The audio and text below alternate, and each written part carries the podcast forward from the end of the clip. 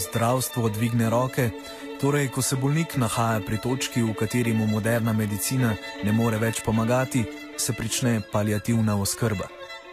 Preneha se stremenje po obdržanju življenja za vsako ceno.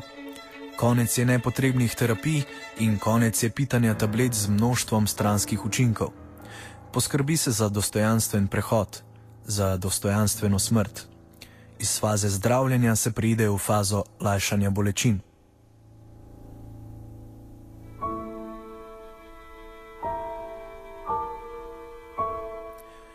Fokus palijativne oskrbe ni le fizična odsotnost bolečine, temveč oskrba duhovne plati umirajočega, kakor tudi njegovih svojcev. V nadaljevanju smo se pogovarjali s Tatjano Fink, predsednico slovenskega društva Hospic in vodjo Ljubljanske hiše Hospic. Slovensko društvo Hospic je na tem področju uh, palijativne oskrbe, celo terminalne, zaključne oskrbe v življenju, kar pomeni zadnjih nekako šest mesecev, ne, ki preostajajo že 18 let v Sloveniji. In ideja je bila prav ta, to prepoznanje naše ustanoviteljice, dr. Medke Klevišar, da za, rekla, to vrstne bolnike in njihove svojce ni dovolj poskrbljeno, predvsem pa ne v, v primerni obliki, tukaj ni predvsem nič psihosocialne opore. Ne gre samo za fizično telo, ki ga je pač treba oskrbovati in čemu je ta palijativna oskrba v bolnišnicah prvenstveno namenjena. Ne? Za njih je umiranje predvsem samo medicinski proces. Mi se pa trudimo, da bi vnesli v, v življenje teh ljudi, ki se poslavljajo, tudi te ostale dimenzije človeka, zato, da, ker prav te dimenzije delajo človeka človeškega, to se pravi, poskrbimo tudi za duha, kot se reče temu. To se pravi, ne samo za čustvene potrebe, ko gre za velik strahov nemira, uh, žalosti, uh, obupa, tesnobe in drugih čustev, ki se takrat zelo pogosto in zelo intenzivno pojavljajo, ampak gre predvsem tudi za te duhovne procese, to se pravi zaključevanje odnosov, slovo, odpuščanje, sprava. To so stvari, ki so zelo pomembne za eno kakovost življenja, ne samo tistega, ki se poslavlja, ampak predvsem tistega, ki ostaja.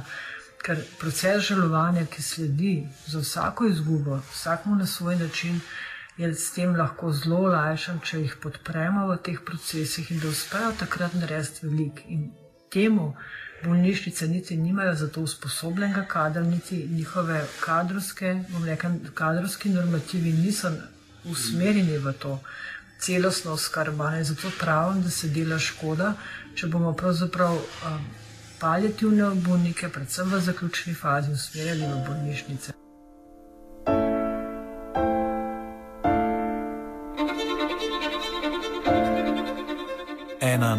Najnujnejših stvari za bodoči razvoj palijativne oskrbe v Sloveniji je izobraževanje kadra, kakor tudi podučevanje svojcev. Nadaljuje Tatjana Fink.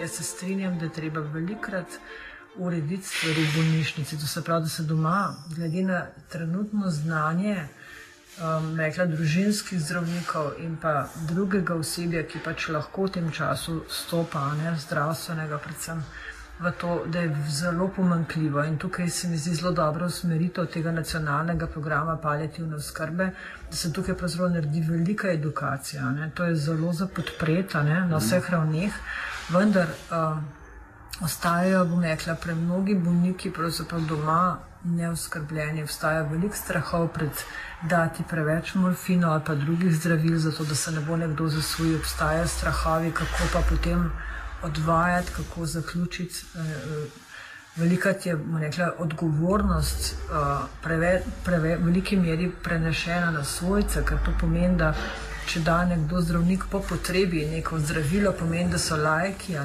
Mhm. Rekla, tisti poklicani, ki pravzaprav presojajo, koliko pravzaprav to gdata. In potem vemo, da je ponavadi tega velikrat zelo premalo in da takrat je treba priti, ker večinoma.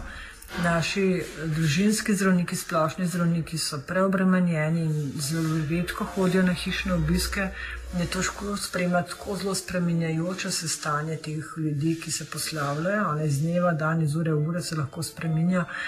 In a, zato pravzaprav so potem potrebne te hospitalizacije, kjer se uredijo ti simptomi, bolečina, slabost, nemir, zaprtje in tako naprej, in se potem spet vrnejo v domače okolje. Ampak takrat se pa zgodi pravzaprav tista barijera, ker ni. Uh, Rekla, urejen ta prehod, to pomeni, nekdo je odpuščen, gre domov, kaj pa zdaj. Ne?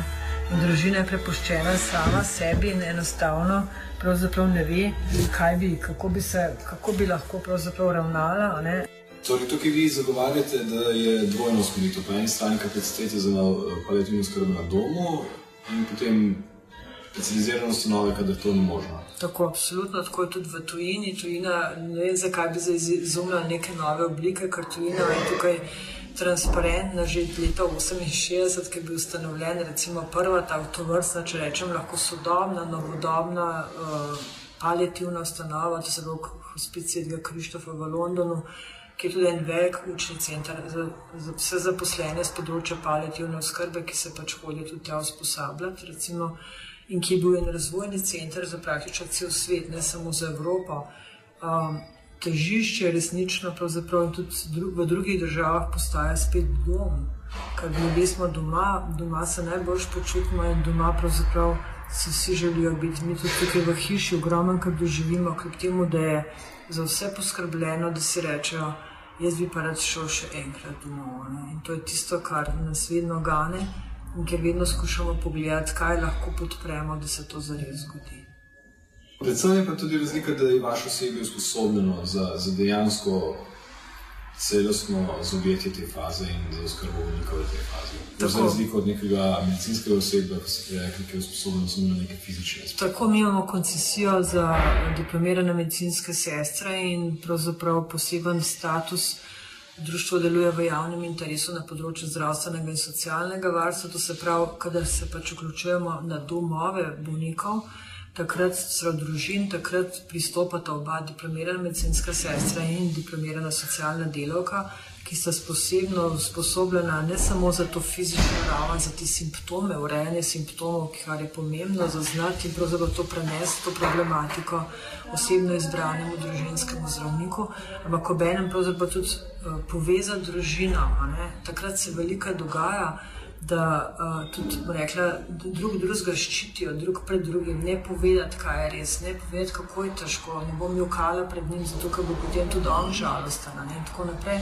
Vse te stvari, pravzaprav te procesi, ki se takrat sprožajo, uh, je naše osebje zelo strokovno usposobljeno, da pač zna in zmore, bom rekla, podpreti družino, da sama zmore te procese ker ni ideja, da delamo nekaj na mestu njih, ampak da jih podpremo, da zmorejo sami in da imajo potem tudi občutek ne kompetentnosti in zadovoljstva.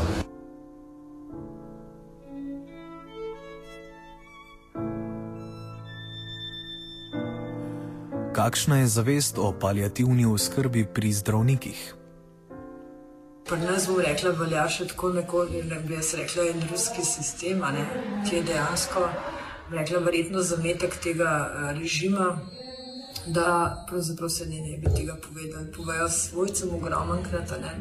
Bolniku pa za res zelo reka, tukaj za ne smem delati krivic, so določeni pač jasno ti palijativni oddelki, ki funkcionirajo v Sloveniji, kjer je to sporočanje korektno in dobro. Ne? Na drugih oddelkih pa pravzaprav se vidi, da je tukaj treba še zelo veliko narediti v tem. Poleg tega so zdravniki zelo educirani v zdravljenje in reševanje življenj, in ne v to, da se bo življenje zdaj obrnilo in da treba se mu lajšati. Tako da tudi v svetu je kar nekaj desetletij trajalo, da je palijativna oskrba in palijativna medicina sploh nastala in postala del, bom rekla, neke poklicne karijere zdravnikov. In pri nas pravzaprav imamo tukaj.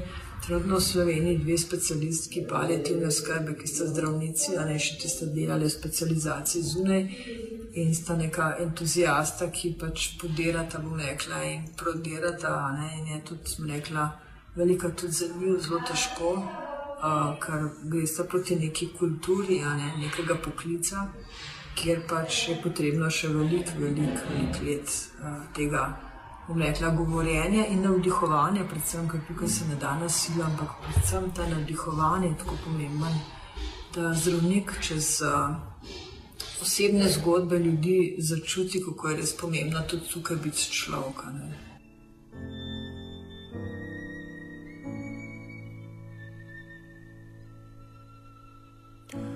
Društvo Hospic se sooča s težavami financiranja, ki izhajajo predvsem iz pomenkljivega upoštevanja zakonodaje. Pravica do palijativne oskrbe je namreč zapisana v nacionalni program o palijativni oskrbi, ki je bil sprejet leta 2010. Nadaljuje Tatjana Fink.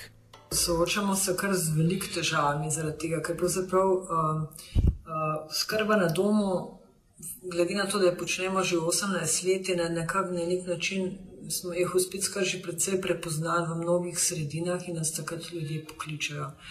Lahko v direktu in potem pravzaprav naša ekipa pač pride do njih.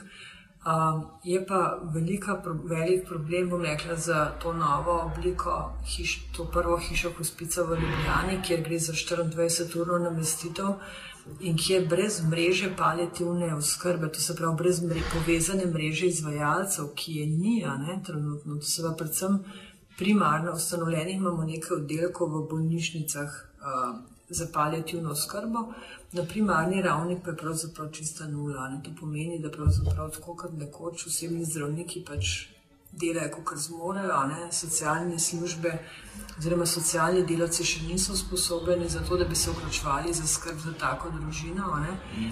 In gre pravzaprav takrat, ko človek res uh, pripravljen na odpust za veliko stisko pri mnogih kako tako hitro v nekaj dneh najti dom za stare ali kakšno podobno namestitev, da bi a, rešil svojo zagato, ker večina ljudi pač je še v aktivnih službah, a ne zelo malo, predvsem v urbanih okoljih.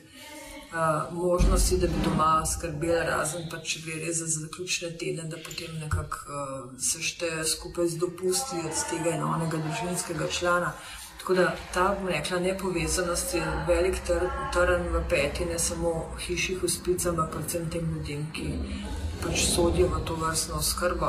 Drugič pa nam se je zgodilo, rekla, da je kar krivica, ker pač uh, smo sodelovali dolga leta pri pripravi predloga nacionalnega programa palijativne oskrbe in tudi akcijskega načrta.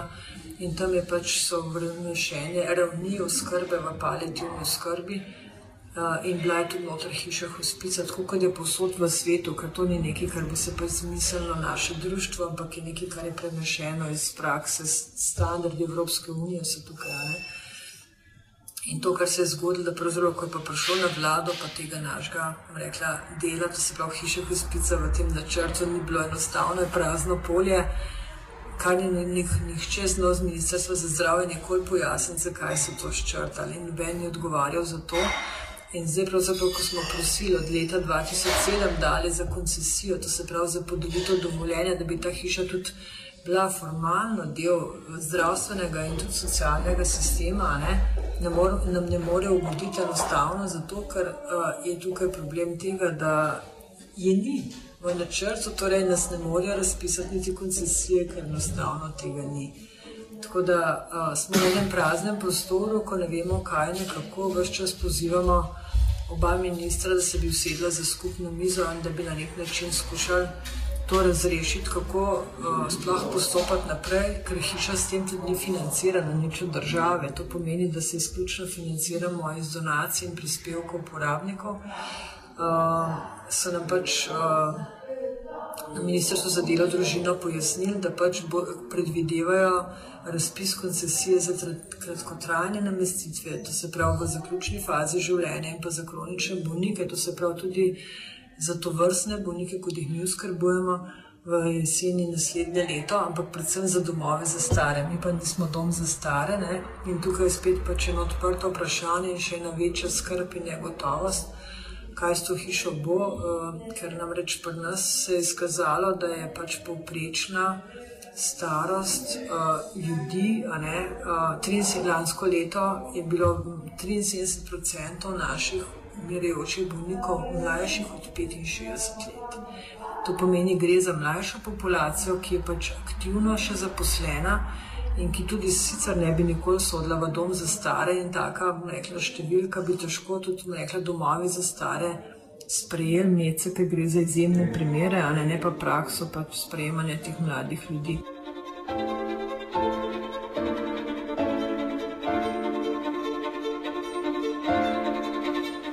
Ob koncu pa je Tatjana Fink povdarila, da je glavno stremenje društva zagotavljanje oskrbe za tiste, ki jo najbolj potrebujejo.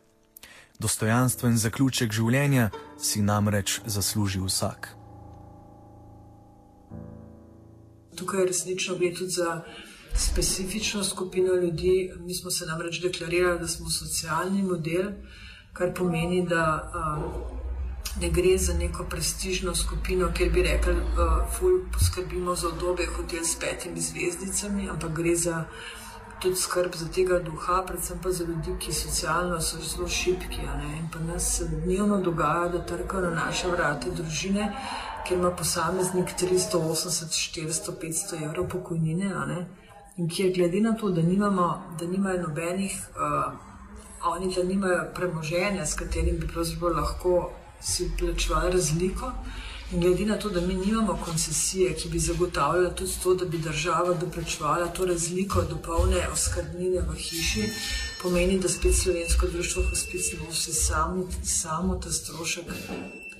Makajoči, ker jasno nobenega ne pustimo izven hiše, nekatere celo pustimo, bomo rekli, oskrbnine, ker je prišlo tudi do primerov, ko nismo imeli nobenih dohodkov, pa smo rekli, pač lahko tukaj ostanete in ste z nami do konca. Tako da tukaj je resnično taka problematika, ko včasih ne veš, kam bi sicer ti ljudi strpali, če take hiše ne bi bilo. In to nam tudi daje en tak zagon, da ponovno in postrajamo in trkamo na vrata, predvsem pa na zavest širokega množice prebivalstva, da bodo mogoče tudi oni enkrat tako hišo rabili, mogoče ne prav te v Ljubljani, ampak en, želeli bi pravzaprav nadaljevati trend takih hiš, ni treba, da so tako velike, tako rekla. Uh, Lepe, kot je ta, ker je pač mestna občina imela resnično ogromno posluha, da je pač zgradila tako hišo v smislu tega, da je človek vreden svojega dostojanstva do konca, da ni treba, da si v neki kleti brez zraka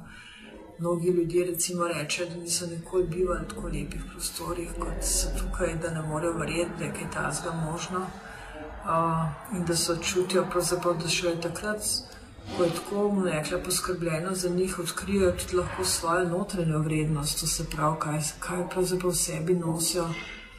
Uh, in kaj si šele takrat, ko pravzaprav vejo, da pač nimajo več kaj izgubiti, upajo odkriti, da uh, In to so tiste take lepe stvari, takrat veš, da ne šteje teh 800 evrov, koliko stane ta mesečna mlekla oskrbnina, namestitev s hrano in vse to, kar dobijo, da je vredno to veliko, veliko več. In tudi če bi šli v nek dom za stare, bi to plačali za tako podobno namestitev ne 400 do 500 evrov več.